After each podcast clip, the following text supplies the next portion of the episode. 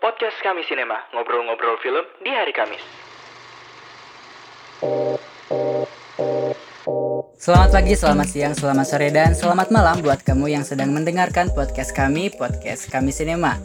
Selamat datang di episode terbaru kami, semoga sahabat Kami Sinema di mana pun kalian berada selalu dalam keadaan sehat dan tidak lupa untuk mematuhi protokol kesehatan biar kita bisa cepat-cepat sekolah offline dan tetap muka bersama teman-teman gitu.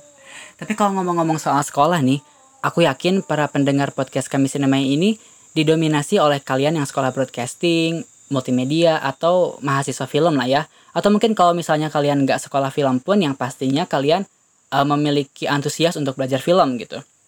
Nah, uh, buat kamu yang mau belajar film sekarang udah banyak banget apa namanya media yang bisa dipelajari dan itu tuh gratis gitu. Dan hari ini aku udah kedatangan tamu yang keren banget, tapi sebelum ngobrol sama tamu kita kali ini, aku mau ngingetin kalau kita sekarang ada di segmen Pegiat Sinema. Yap, seperti yang udah aku bilang tadi bahwa sekarang belajar film itu udah lebih gampang. Bahkan banyak media untuk belajar film yang gratis gitu. Sekarang aku udah kedatangan tamu, beliau ini merupakan kreator video, influencer, youtuber, juga founder di sebuah organisasi edukasi yang berbasis film yakni Kreatif Film School dan prestasinya udah nggak perlu ditanya lagi gitu udah banyak banget di antaranya ada pemenang National Best Film Director kemudian ada nominasi National Best Film terus uh, official selection official selection di kaum film festival Berlin dan tentunya masih banyak lagi dan kalau aku omongin di sini gitu nggak akan cukup untuk satu episode podcast kami kami sinema kali ini. Aduh. Ya selamat datang dan selamat bergabung bersama kami buat Kak Stefanus Cancan halo Kak Cancan Halo, halo semuanya. Ya, makasih banyak kalau udah mau diundang di podcast kita gitu. Di tengah kesibukan organisasi dan tugas akhirnya gitu ya, mempersiapkan tugas akhir nih Kak Cancan ini guys. Uh, boleh dong perkenalkan diri dulu gitu meskipun meskipun aku yakin gitu bahwa Kak Cancan itu udah dikenal gitu di sana, tapi bolehlah kenalan kenalan lagi sama pendengar podcast kami sinema ini Kak. Oke, halo semuanya. Aku Cancan Aku sekarang masih jadi mahasiswa di ISI dan sekarang lagi perjuangan untuk lulus. Dan aku juga sekarang lagi sibuk di Creative Film School. Dan ya bikin-bikin konten sama ngerjain iklan-iklan juga sih. Begitu.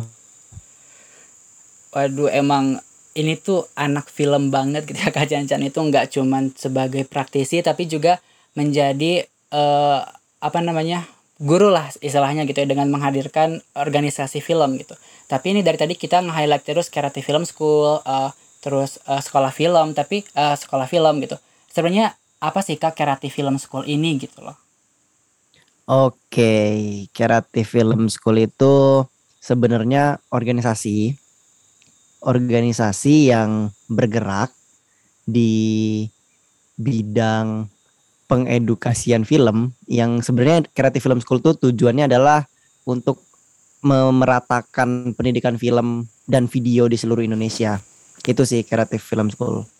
Oh, berarti uh, niatnya emang untuk mengedukasi masyarakat ya tentunya dan Ya, benar-benar. Tujuannya hmm. ya mengedukasi bukan masyarakat secara umum ya, tapi lebih yeah, iya. tepatnya yeah anak SMA, anak SMK, hmm, ya, ya, ya, ya. dan orang-orang yang nggak punya kesempatan untuk sekolah film. Ya, ya. Itu ah. target uh, utamanya sebenarnya. Mm -mm. Oke. Okay. Uh, eh, apa sih gitu yang menjadi landasan utama Kak Cancan ini untuk membuat Karate Film School ini gitu? Nah, kalau ngomongin landasan utama, sebenarnya itu ada banyak. Pertama, aku kan dulu SMA. SMA yeah. jurusan IPA. Terus oh. aku di SMA-nya aku di daerah yang terpencil, ya, lumayan terpencil. Aku nggak di kota besar. Jadi aku SMA dulu di Kabupaten Muara Enim, itu di Sumatera Selatan. Terus aku ngerasain banget waktu SMA kalau mau bikin film atau mau berkarya gitu kayak aduh susah banget mau nyari temen gak ada terus mau belajar juga bingung bingung banget mau belajar dari mana biasa kan kalau kita uh, pengen belajar bikin film atau pengen belajar sesuatu hal kita biasa cari ke YouTube kan nah, aku coba cari di YouTube eh dikit banget kreator-kreator Indonesia yang bikin edukasi tentang film. Kebanyakan kan videografi. Nah, kalau tentang film tuh dikit banget. Jadi aku bingung. Ini sebenarnya bikin filmnya harus belajar dari mana ya? Apa aja yang harus dipelajarin? Apa aja yang harus aku mengerti? Akhirnya aku waktu itu ya tetap bisa, tapi aku cari YouTuber dari luar. Aku cari konten-konten dari luar kayak ada film Riot, ada apa DSLR video shooter kalau nggak salah ya, aku lupa. Dan ada beberapa channel-channel lain yang aku dulu suka banget indie mogul gitu. Dan aku ngerasa wah uh, aku nggak pengen anak-anak SMA sekarang, anak-anak SMK itu ngerasain hal yang sama dengan aku. Terus alasan selanjutnya, apa sih yang memotivasi aku untuk bikin kreatif film school ini? Jadi waktu itu uh, sekitar satu dua tahun yang lalu kalau nggak salah, ya dua tahun yang lalu aku ngisi workshop di uh, salah satu daerah di Indonesia. Aku beberapa kali juga datang ke situ, terus aku ngeliat, wah banyak banget anak-anak yang potensial. Tapi ya balik lagi, mereka nggak punya kesempatan untuk kuliah film karena izin, karena biaya dan lain-lainnya. Karena kita tahu sendiri ya, biaya untuk sekolah film nggak murah. Walaupun ada beberapa kampus yang UKT-nya murah, tapi untuk tugas dan lain-lain itu kan perlu biaya. Dan juga selain itu mereka juga terhambat karena pemahaman orang tua mereka terhadap dunia film dan dunia seni itu masih minim banget. Jadi orang-orang tua mereka yang anggap ngapain kamu kuliah tuh pengen jadi apa kamu mau jadi apa makan apa kamu ya, kamu mending jadi tentara mending jadi polisi gitu. Nah itu itu yang bikin aku mikir aduh kasihan banget sayang banget ini anak-anak ini beneran potensial banget kayak aku ngelihat mereka ini lebih jago daripada aku pas SMA gitu loh. mereka ini sebenarnya bisa. Iya iya. Tapi ya karena udah dihalangin sama orang tuanya, ya mereka ngerasa aduh udah deh aku putus harapan udah kalau mau jadi filmmaker aku harus sekolah film. Dan mereka nggak punya kesempatan sekolah film. Ya. dari situ aku ngerasa wah ini aku harus bergerak nih harus ngelakuin sesuatu nih. Nah terus ada lagi alasan selanjutnya. Motivasi aku untuk bikin ini karena aku kan sering diundang sekolah-sekolah atau ya daerah-daerah gitu untuk ngisi-ngisi workshop gitu kan. Terus aku datang misal nih kayak tahun ini aku datang ngajar materi basic tahun depan aku datang lagi ngajar materi basic. Tahun depan ngajar datang ngajar materi basic. Karena kan orangnya naik kelas terus ya ada yang lulus ada anak baru ngajar lagi ke anak baru terus lulus lagi ngajar lagi ke anak baru. Aku ngerasa kasihan aja sama sekolah-sekolah yang undang aku. Kayak dia mereka bayar aku tiket pesawat mereka bayarin aku nginep kasih fee dan lain-lain. Padahal kalau misalnya aku bisa bikin materi itu di YouTube, mereka nggak perlu datengin aku, mereka tonton aja, udah free. Gitu sih alasan-alasan dan motivasi kenapa aku diriin aku menginisiasi Creative Film School dan akhirnya mendirikannya bersama teman-temanku. Berarti yang jelas uh, bahwa Creative Film School ini uh, berasal dari keresahan Kacancan pribadi gitu ya. Di uh, bagaimana susahnya untuk mendapatkan referensi, untuk mencari teman yang istilahnya satu jalur lah gitu ya dan terbukti gitu bahwa apa yang sudah kacanya lakukan ini sudah uh, apa namanya membantu banyak orang gitu dengan dilihat ya dengan dilihat dari angka penonton dan subscriber yang udah ada huruf udah ada kaknya gitu. Oke okay, tapi sebelum sebelum apa namanya sebelum lanjut ke pertanyaan yang lain gitu aku pengen nanya hal yang cukup apa ya cukup unik mungkin ya. Kenapa sih namanya harus kreatif gitu kan agak-agak ini tuh kreatif atau apa gitu. Kenapa tuh harus kreatif? Oke jadi kreatif kenapa kreatif? Sebenarnya ini asalnya itu bukan dari kata kreatif bahkan. Maksudnya waktu kami oh, iya. merumuskan ide oh btw ini aku harus kasih tahu dulu pendiri kreatif ini jadinya bukan aku sendirian. Jadi ada teman aku lagi ada Leoni ada Yosua ada Iwan sama Kunto sama aku. Jadi kita berlima yang diriin kreatif. Um, terus kita mikir kan, kita uh, rapat gitu kan. Terus aku akhirnya kepikiran satu kata yang mendefinisikan kami. yang mendeskripsikan kami. Apa sih yang apa sih identitasnya? Apa identitas kami gitu. Terus aku mikir, sebenarnya kami berkumpul berlima itu berdasarkan atas kepedulian kami.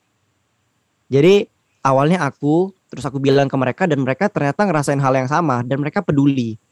Dan kami beneran akhirnya kami ngerasa ya kita emang harus bergerak dan berbuat sesuatu karena kepedulian kami. Akhirnya kami berangkat dari situ kata peduli. Peduli itu kan kalau di bahasa Inggris kan bahasa Inggrisin kan care ya kan. Iya iya. Terus ya akhirnya kami pikir-pikir sambung-sambung-sambung tuh terus mikir oh ya kita ini di industri kreatif dan kita care. Ya akhirnya kami bikin aja kreatif. Jadi kreatif itu adalah identitas orang-orang kreatif yang care terhadap apa pun terhadap sesama dan hal-hal lain gitu Unik banget sih menurutku itu karena nggak cuman nggak cuman apa namanya nggak cuman namanya yang mudah diingat tapi eh, dari keunikan namanya itu bisa apa namanya memiliki sebuah makna yang tentunya menjadi doa juga berarti ya untuk eh, organisasi Kacancan ini gitu. Tadi Kak Cancan sem- eh, eh, tadi Kak Cancan sempat bilang bahwa eh, dua tahun lalu yang artinya kreatif ini eh, dibentuk gitu ya. Nah kalau boleh tahu nih itu tuh pastinya itu bulan apa sih gitu? Apakah ada momen tertentu pada dua tahun itu gitu dalam penemuan organisasi ini gitu? Oke jadi kalau misalnya ngomongin kreatif film school eh kalau ngomongin eh, edukasi edukasinya itu sebenarnya aku udah mulai duluan sendiri aku mulai Hmm, iya, iya. di tahun 2020 bulan Januari Oh, iya. Ya. Jadi jadi bulan Desember 2019 aku ngupload film. Aku bikin film khusus untuk channel. Untuk channelku. Dulu nama channelnya masih Stefanus Cancan. Hmm, masih Nama channel channelnya- pribadi gitu ya? Iya, masih channel pribadi. Desember 2019 aku ngupload film pendek. Terus mulai Januari 2020 aku mulai konten. Bikin konten jalan berapa bulan aku lupa terus ada masalah masalah channelnya jadi akhirnya aku pindah channel baru aku pindah channel baru dan ganti nama jadi Cancan Pictures. Nah aku ganti nama Iya, jadi iya, Cancan Pictures.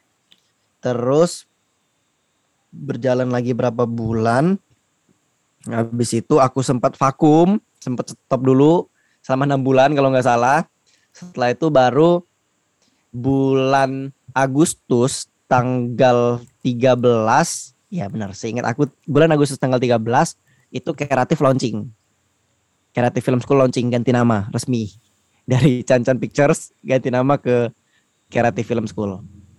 Tapi kalau untuk persiapan kami sendiri gitu udah dari bulan 2 sih.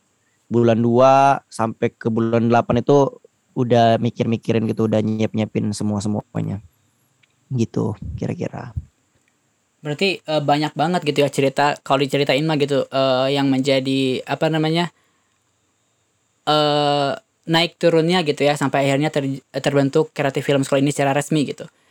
Sa- bener-bener banyak banget itu kan tadi eh, ada berlima ya eh, pendiri-pendirinya dan eh, itu tuh yang dipersiapkan pada saat itu tuh untuk sampai akhirnya memfikskan gitu bahwa kreatif film school ini harus ada. Nah, dari kelima founder itu tuh apa aja sih yang dipersiapkannya gitu? Oh, ini berarti ngomongin persiapan awal untuk mendirikan kreatif ya. Ya betul betul. Oke. Kalau misalnya ngomongin apa aja yang kami siapkan di awal pendirian kreatif ini, eh, yang pastinya ada hal teknis. Hal teknis itu hal-hal yang berhubungan sama organisasi. Pertama, pastinya planning. Di planning ini ya kita ngomongin visi, misi, ngomongin strategi, apa aja yang bakal kita lakuin. Terus kita juga riset, riset kebutuhan konsumen, riset kompetitor. Terus wah banyak banget, banyak banget hal yang kami uh, riset untuk bikin planning. Terus setelah itu kit, setelah itu kami mikirin branding juga. Nah itu termasuk milih nama, milih warna, milih logo, value, terus uh, brand promise kami, apa yang kami janjikan ke orang-orang. Itu yang kami siapin juga. Setelah itu pastinya karena ngomongin edukasi, pastinya nyiapin materi. Kira-kira apa aja ya plan konten yang bakal kita bikin? Materi-materi yang gimana? Apa aja sih pembagian-pembagiannya gitu dan selama proses ini hal-hal teknis ini ya kami banyak diskusi juga. Salah satunya ke Mbak Anggi. Mbak Anggi dosen Saskia Graini itu Mbak Anggi oh, ini banget banyak banget ngasih insight-insight ke kami sama Mbak Nisa juga banyak juga bantu-bantu kami. Terus selain hal-hal teknis yang pastinya ada juga hal non teknis yang dipersiapkan. Yang pertama ilmu karena ngomongin edukasi jadi ya mau nggak mau kami harus belajar lagi belajar lagi baca lagi buku baca lagi buku sebanyak banyaknya ngisi-ngisi terus otak gitu setelah itu mental kalau misalnya mau go online mau bikin konten itu udah harus mentalnya harus siap lah. Udah siap denger cibiran orang udah siap dengar komentar-komentar negatif dan lain-lain. Itu hal-hal yang kami siapin sih dari awal. Ya, berarti setelah riset dan branding tentunya kan Kacancan dan tim itu menemukan uh, kelemahan dan kelebihan dari apa yang harus dilakukan gitulah ya. Uh, jadi uh, nah seterusnya uh, selanjutnya uh, apa sih gitu program yang dirancang oleh Kacancan dan tim untuk Creative Film School ini gitu. Oke, kalau ngomongin program yang kami rancang sebenarnya tagline kami kan adalah semua bisa sekolah film. Semua bisa, semua bisa sekolah yeah. film. Ya, dan untuk uh, apa menerapkan tagline itu kami itu ada ada kalimat bahwa kami akan memberikan sensasi sekolah film kepada orang-orang. Jadi sensasi sekolah film. Apa sih sensasi sekolah film itu?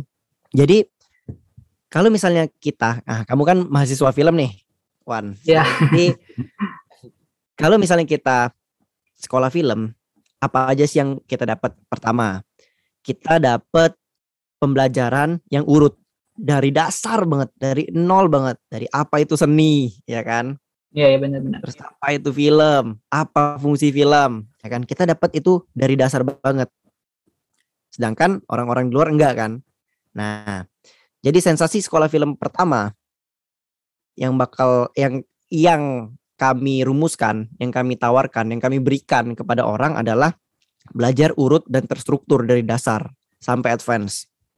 Terus, kalau misalnya kita sekolah film juga plusnya yang kita dapat adalah kita itu bisa nanya kepada siapa pun dan kapan pun.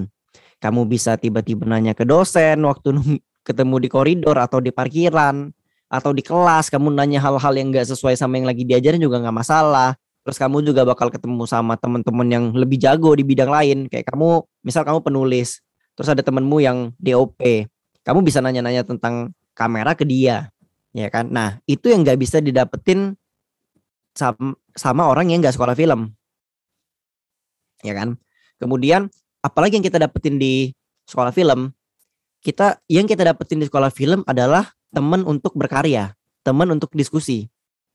Itu yang kita dapetin. Karena ya di sekolah film kita ketemu orangnya satu passion, satu kelas ada 40 orang, semuanya pengen jadi filmmaker, semuanya pengen bikin karya, ya udah kumpul di situ semuanya ya bikin karya. Ya kan? Nah, orang-orang yang gak sekolah film, mereka nggak dapet itu.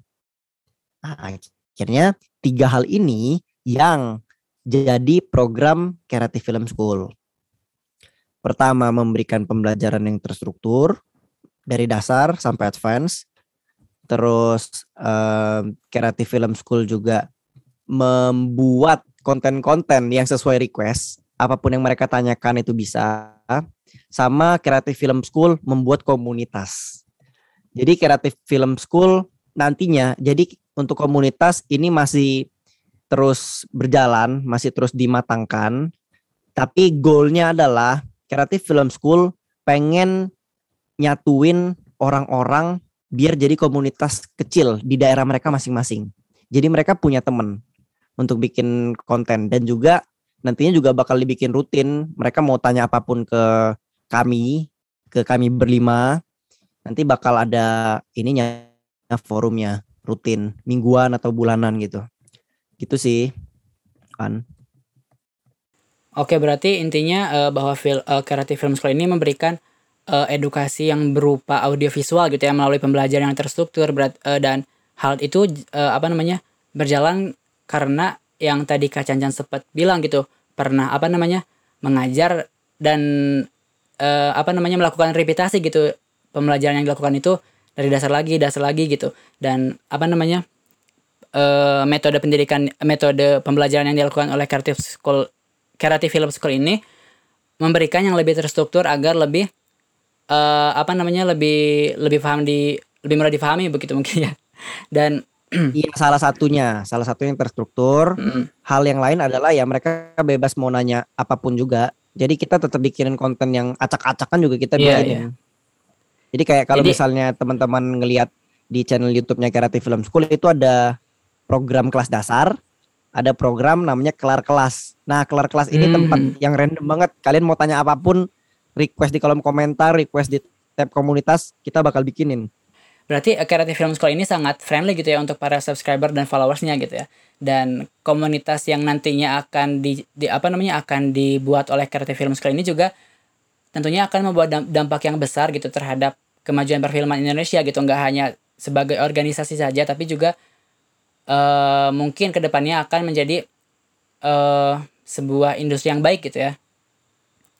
Nah untuk untuk tadi kan media-medianya media pembelajarannya kan eh, apa namanya dibuat dalam sebuah bentuk audiovisual tuh. Apakah media penayangannya itu hanya di YouTube saja atau ada media-media lain? Oke, kalau untuk platform tempat menayangkan atau mendistribusikan konten-konten yang kami bikin itu sebenarnya ada tiga. Pertama ada di YouTube. Di YouTube itu ada tiga program. Pertama kelas dasar yang ngasih tahu atau mengedukasi dari dasar banget dan berurutan. Terus ada kelar kelas. Kelar kelas itu yang setiap orangnya bebas request apa pun dan itu beneran se-random itu kontennya. Sama ada mending mana. Program mending mana ini program yang membahas dua hal yang sering jadi perdebatan kayak videografi atau sinematografi. Nah gitu-gitu. Jadi itu konten mending mana.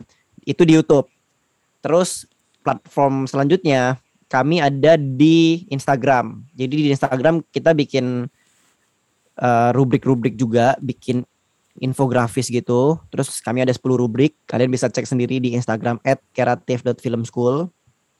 Terus di TikTok juga ada sama di @creative.filmschool. Di TikTok kami bikin konten-konten yang lebih singkat, yang sekitar ya satu menit doang, satu menit kurang. Gitu. Jadi bergeraknya di tiga situ untuk kontennya. YouTube, Instagram, dan TikTok. Oh, berarti eh, media-media tersebut juga menjadi media untuk memperkenalkan Creative Film School ini gitu ya kepada masyarakat gitu. Tapi ada gak sih sebenarnya eh, apa namanya cara lain yang dilakukan oleh Creative Film School untuk memperkenalkan eh, Creative Film School ini gitu kepada masyarakatnya apakah itu dengan seminar kah atau kunjungan ke sekolah-sekolah broadcasting gitu. Oke. Jadi kalau cara Creative Film School untuk memperkenalkan diri itu sebenarnya kami kerjasama dengan komunitas-komunitas juga. Kami sering bikin apa kayak sharing bareng gitu-gitu sama komunitas-komunitas.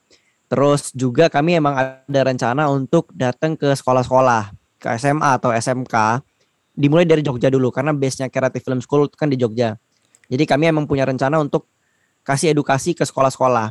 Cuman ya karena ini masih pandemi, jadi belum bisa jalan. Jadi yang bisa jalan baru kerjasama dengan komunitas-komunitas dulu sih. Ber- ya berarti sejauh ini eh, selain melakukan promosi di media sosial juga melakukan bentuk eh, apa namanya kolaborasi se- seperti media partner begitu mungkin ya kak. Ya benar. Terus eh, apa sih maksudnya tantangan yang di- dialami gitu dalam bisnis berbasis konten ini gitu kan? Meskipun kita melakukan relasi dengan yang lain dan eh, meskipun kita melakukan relasi dengan yang lain, tentunya kita secara nggak langsung gitu nantinya bakal menemukan oh kita kayaknya masih kurang ini nih, oh kayaknya eh, orang lain kayaknya bakal bisa ya apa namanya nyalip kita atau gimana gitu. Nah, apa sih tantangan yang terberatnya yang yang yang sekarang ini sedang dihadapi oleh Creative Film School? Oke, sebenarnya tantangan terberatnya adalah mengetahui keinginan audiens. Itu tantangan terberat. Karena audiensnya ini banyak banget dan latar belakang itu beda-beda banget. Demografinya beda, psikografinya beda. Dan keinginan mereka juga berubah-ubah. Karena zaman ini berkembang cepet banget ya kan. Terus kita bergerak, eh kami bergerak di online yang juga semuanya serba cepat. Konten-konten kreator lain juga cepet banget. Ada tren baru adaptasi, ada tren baru adaptasi, ada film baru harus tonton. Jadi ya itu tantangannya harus tetap update, harus tetap berkembang. Itu sih tantangan yang terbesar sebenarnya. Oh, berarti sebetulnya tantangan terbesarnya bukan dari apa namanya bukan dari pelaku bisnis yang sama gitu ya melainkan dari audiens-audiens yang menjadi target utama Creative Film School ini gitu ya kak. Aduh keren keren keren. Kayak mereka apa eh, teman-teman yang subscriber atau followers mereka itu biasanya agak susah menerima konten-konten yang detail, yang mendalam. Jadi mereka tuh sebenarnya kayak maunya yang kulit-kulit doang, yang praktis-praktis doang, yang Iya, gampang iya. lah, gampang dicerna. Jadi itu, jadi gimana kami tuh putar otak gimana caranya mereka bisa tetap dapat ilmu yang dalam, tapi kami menyajikan kontennya dengan tetap menarik. Nah itu yang Hmm. jadi PR. Gitu. Kalau dari tadi nih kayaknya kan eh, ngomongin terus bagaimana bentuk strateginya, bagaimana konten yang harus dibuat. Nah itu tuh pembagian timnya itu kayak gimana sih kak? Eh, Pembagian tim dalam dalam Creative Film School ini apakah semuanya terlibat dalam proses eh, proses kreatif untuk membentuk kontennya ataukah ada bagian-bagian tertentu gitu? Oh, ada bagian-bagian tertentu kok. Tapi ya emang karena kami masih berlima jadi tumpang tindih eh bukan tumpang tindih sih. Jadi satu orang dan yang lain tuh masih saling bantu-bantuin tugas tugas-tugasnya sih. Terus kayak eh, pembagiannya itu ya aku sebagai CEO jadi aku ngurusin semua hal, ngurusin Iya iya eh, quality content, terus aku ngurusin operasional juga sehari-hari, sama ngurusin bisnisnya dalam tanda kutip. Terus ada Kunto, Kunto tuh dia yang content manager yang dia lebih khusus untuk ngecek kualitas konten dan ngeplanning. Terus ada Iwan, Iwan community manager, dia yang ngurusin gimana kerjasama dengan komunitas, terus interaksi sama audiens itu Iwan semua yang mikirin. Terus kalau untuk Yosua itu writer, writer sekaligus dia creative director. Jadi semua hal yang berhubungan sama kreatifnya kreatif, ya kreatifnya kreatif itu Iya. yang ngurusin Yosua yang bertanggung jawab.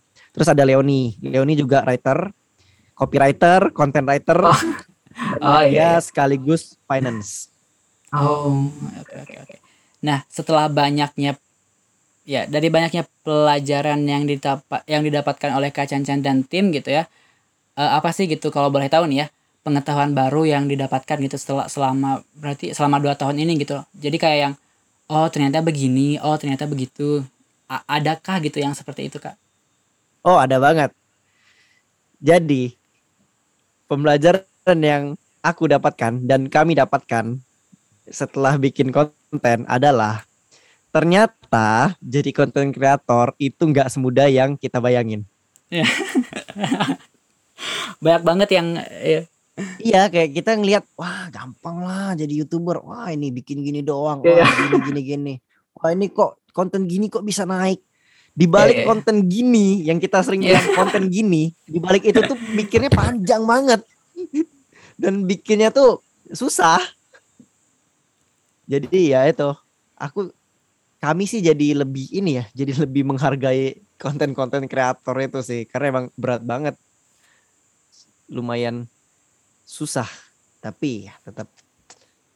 Karena bersama dan niatnya baik karena emang pengen membantu orang dan kami fokusnya ya ke manfaat. Manfaat apa yang kami bisa beri manfaat apa yang yang bisa didapat sama orang dan dan ini sih dan apa banyak feedback kayak mereka ngomong wah makasih banget terbantu banget.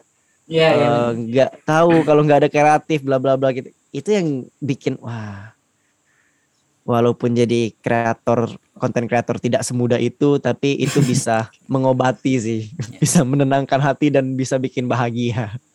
Gitu. Iya, apalagi Karate Film School ini eh, apalagi Karate Film School ini kan eh, apa namanya? sebuah edukasi gitu ya yang yang berhubungan dengan orang lain gitu, nggak cuma konten untuk diri sendiri gitu. Jadi ada tanggung jawab lebih gitu ya yang harus dilakukan gitu. Dan aku lihat juga gitu komentar-komentar di Instagram, di YouTube-nya Karate Film School yang yang kayak tadi Kak Cancan bilang gitu. Wah, ini eh, apa namanya? channel yang yang paling cokot eh yang apa namanya? aduh yang paling cocok nih buat aku gitu untuk belajar film dari udah sempat nyari referensi lain gitu. Akhirnya nih dapat yang cocok kayak gitu gitu sih aku nemunya. Itu untuk bukti juga sih bahwa Creative Film School ini tuh udah udah keren banget lah udah gak usah tanya gitu ya. Tapi nih kak tapi nih kak kita kan udah tahu gitu bahwa Creative Film School ini organisasi yang yang profesional dan besar gitu. Ada nggak sih kemungkinan Creative Film School ini membuka rekrutmen untuk magang kah? Atau mungkin sebagai pekerja gitu oh mungkin sana? banget. Mungkin banget. Sekarang aja Creative Film School ada tiga anak magang. Hmm, banyak juga berarti. ya ada tiga anak magang. Dua udah selesai masih ada satu. Nah jadi bentar lagi Creative Film School buka magang lagi. Eh guys, yang mau ayo ayo. Tadi nih aku aku sempat buka YouTube-nya Creative Film School. Di sana ada ada dua orang yang menjadi apa namanya eh hostnya kalau hostnya ya atau konten konten artisnya gitu. Ah, apakah itu termasuk ke dalam yang lima orang itu atau mereka berbeda berbeda apa namanya berbeda berbeda divisi gitu? termasuk termasuk termasuk Oh, mereka iya, iya. satu Iwan satu Yosua itu termasuk di lima orang itu Hmm, gitu, gitu. Oke, oke. Berarti eh, selama kreatif ini berjalan, keuntungan yang didapat itu kan adalah kepuasan pribadi Kak Cancan dan tim tentunya ya setelah eh, apa namanya telah memberikan edukasi yang bermanfaat gitu bagi teman-teman bagi adik-adik yang bersekolah di SMK di di SMK atau sekolah lain yang ingin apa namanya belajar film gitu. Dan eh ini nih kayaknya bakal jadi pertanyaan terakhir kita gitu loh.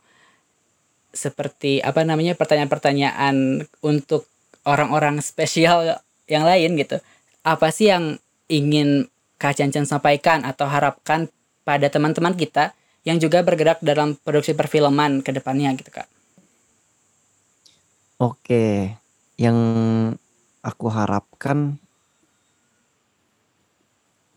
semoga semuanya tetap belajar terus udah itu aja Semoga semuanya tetap belajar terus. Jadi kita nggak boleh langsung puas gitu ya. Mentang-mentang udah udah oh dapat nilai gede, gue nggak harus belajar lagi. Oh udah dapat festival, gue gak harus belajar lagi. Tapi kita harus terus haus akan ilmu berarti ya Kak Cancan ya. Iya betul emang harus terus belajar terus belajar terus belajar dan belajar di Creative Film School Ya. itu itu dia eh, statement terakhir dari Kak Cancan. Kita harus terus belajar dan jangan lupa belajar di Karate Film School. ya, itulah penutup dari podcast kita hari ini. Ini episode yang istimewa banget gitu ya karena kita bisa berbincang dengan sosok pegiat sinema yang selama ini bergerak dan mengedukasi masyarakat dalam konten platform di media sosial. Tentu ini sangat penting bagi masyarakat Indonesia mesti tahu bahwa konten-konten seperti ini sangat dibutuhkan gitu loh guys. Aku sekali lagi ngucapin terima kasih buat Kak Cancan yang bersedia berbagi ceritanya buat kita semua. Sehat selalu dan semoga eh dan dan semoga tugas TA-nya dilancarkan dan semoga eh, apa namanya Creative Film School semakin maju ya Kak Cancan. Dan apa namanya? Aku juga ngucapin terima kasih yang sebesar-besarnya buat teman-teman yang udah ngedengerin podcast kita dari awal sampai akhir. Dan sampai jumpa lagi di episode selanjutnya. Bye bye. bye bye semuanya terima kasih